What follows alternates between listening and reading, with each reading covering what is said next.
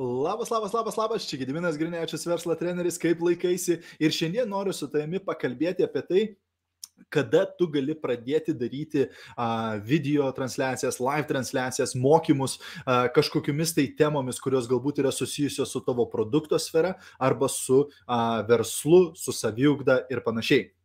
Taigi, jeigu žiūri šio video įrašą, padaryk man paslaugą, parašyk grotelės įrašas į komentarus.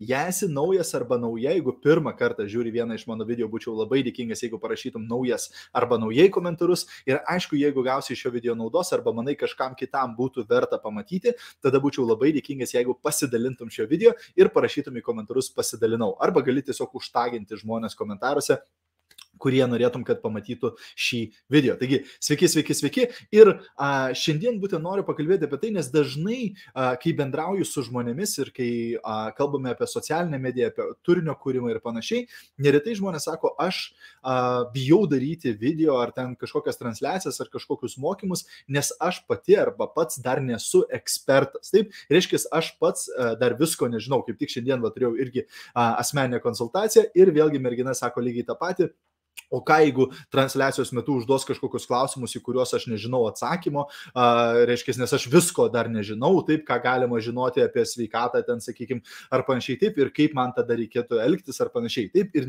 neretai, vad būtent ta baime, a, kad aš nesu ekspertas, kad aš visko nežinau, stabdo žmonės nuo to, kad jie pradėtų daryti a, kažkokius tai mokymus, live transliacijas ar panašiai. Bet būtent prieš kelias dienas klausiausi mokymų su viena a, lyderė, kuri uždirba virš milijono dolerių tinklinio marketingo versle per metus. Ir jinai ką pasakė?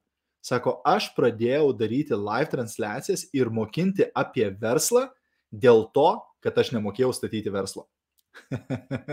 Skamba keistai, ar ne? Skamba, kaip, kaip taip galima daryti. Taip, jeigu tu pats nemoki, kaip tu gali mokinti kitus, arba jeigu tu pats nemoki, kaip tu gali vesti kažkokius mokymus ar panašiai. Bet pagalvokime, jeigu tu nuspręstum dabar daryti live transliacijas, sakykime, apie sveikatą, ar sveiką mytybą, ar plaukus, ar odą, ar panašiai tai pagal savo produkto sferą, arba apie verslo statymą, taip, ten pardavimai, komandos statymas, lyderystė ir panašiai, ar ten apie saviugdą, taip, reiškia asmeninio tobulėjimą ir taip toliau. Jeigu tu norėtum išmokinti kitus, tai ką tau reikėtų padaryti pirmiausiai? Tau reikėtų tada išmokti pačiai arba pačiam, ar ne? Tai būtent tai ir yra labai gera praktika, kad tai, kai tu a, pradedi daryti video arba transliacijas arba mokymus ar panašiai, ką tu turi padaryti? Tu tada pats arba pati turi labiau išmokti, pats arba pati turi labiau įvaldyti tas temas, tas sferas, tai pasimokyti, surinkti informaciją, sužinoti, įsiaiškinti viską, kad galėtum tą informaciją perduoti. Sako, geriausias būdas pačiam gerai suprasti, tai paaiškinti kažkam kitam. Nes kartais, kai mintis yra mūsų galvoje, jos vienaip atrodo.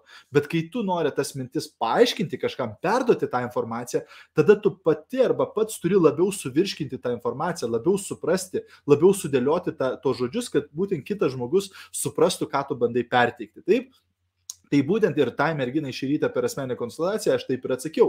Tau nereikia visko žinoti, taip, bet jeigu tu sužinoj kažką naudingo, išmokai kažką vertingo, pasidalinti tai su savo auditorija tu tikrai gali ir tai tikrai duos jiems verties. O transliacijos metu tau nebūtina net atsakyti net į klausimų, taip, bet po transliacijos, jeigu tu pamatai klausimą, į kurį, sakykime, tu nežinai atsakymo, Super. Reiškia, tai tau duoda galimybę dabar susisiekti su savo lyderiu ar su savo mentorium, taip, išsiaiškinti, kaip reikėtų atsakyti tą klausimą, kaip būtent paaiškinti tą dalyką, taip, ir tada tu turi dar vieną temą, dar vienai transliacijai, sakyti, va, per praeitą mano transliaciją kažkas uždavė tokį klausimą ir va, aš dabar noriu papasakoti, atsakyti tą klausimą, taip, reiškia, tokiu būdu bandydamas arba bandydama išmokinti kitus ir duoti kitiem vertę, tu pati arba pats auksi ir tobulėsi ir įgysi vis daugiau žinių ir vis labiau įvaldysi tą sferą, vis labiau įvaldysi tą temą. Kaip būtent ta lyderė, apie kurią paminėjau, kuri uždirba virš milijono dolerių per metus, na, sakykime, kad jį įvaldė verslo statymą visai neblogai, taip, jeigu uždirba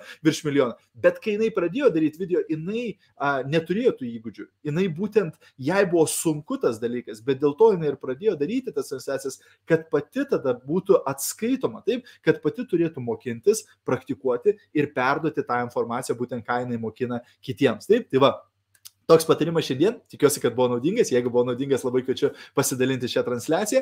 Ir taip pat draugai kviečiu jūs į a, numeris vienas tinklinio marketingo mokymų bendruomenę, kuri vadinasi Čempionų lyga. A, čempionų lygoje kiekvieną rytą mes darome trumpą kokį nors video su kažkokiamis įdomiamis temomis, idėjomis ir panašiai tavo verslo plėtrai, duodam kokią nors idėją veiksmui, ką gali tą dieną padaryti. Kiekvieną savaitę turime atskaitomybę, a, būna bonus mokymai, būna grupiniai skambučiai, būna interviu su lyderiais, a, būna a, mini kursai, kuriuos padarome būtent čempionų lygos viduje ir dar daug, daug, daug visko tenai vyksta. Jeigu tave domintų, paspausk nuorodą šio video aprašymę ir susitiksime jau čempionų lygos bendruomenės viduje. Tiek šiandien, geros dienos ir iki greito. Čiau, čiau, visą, iki.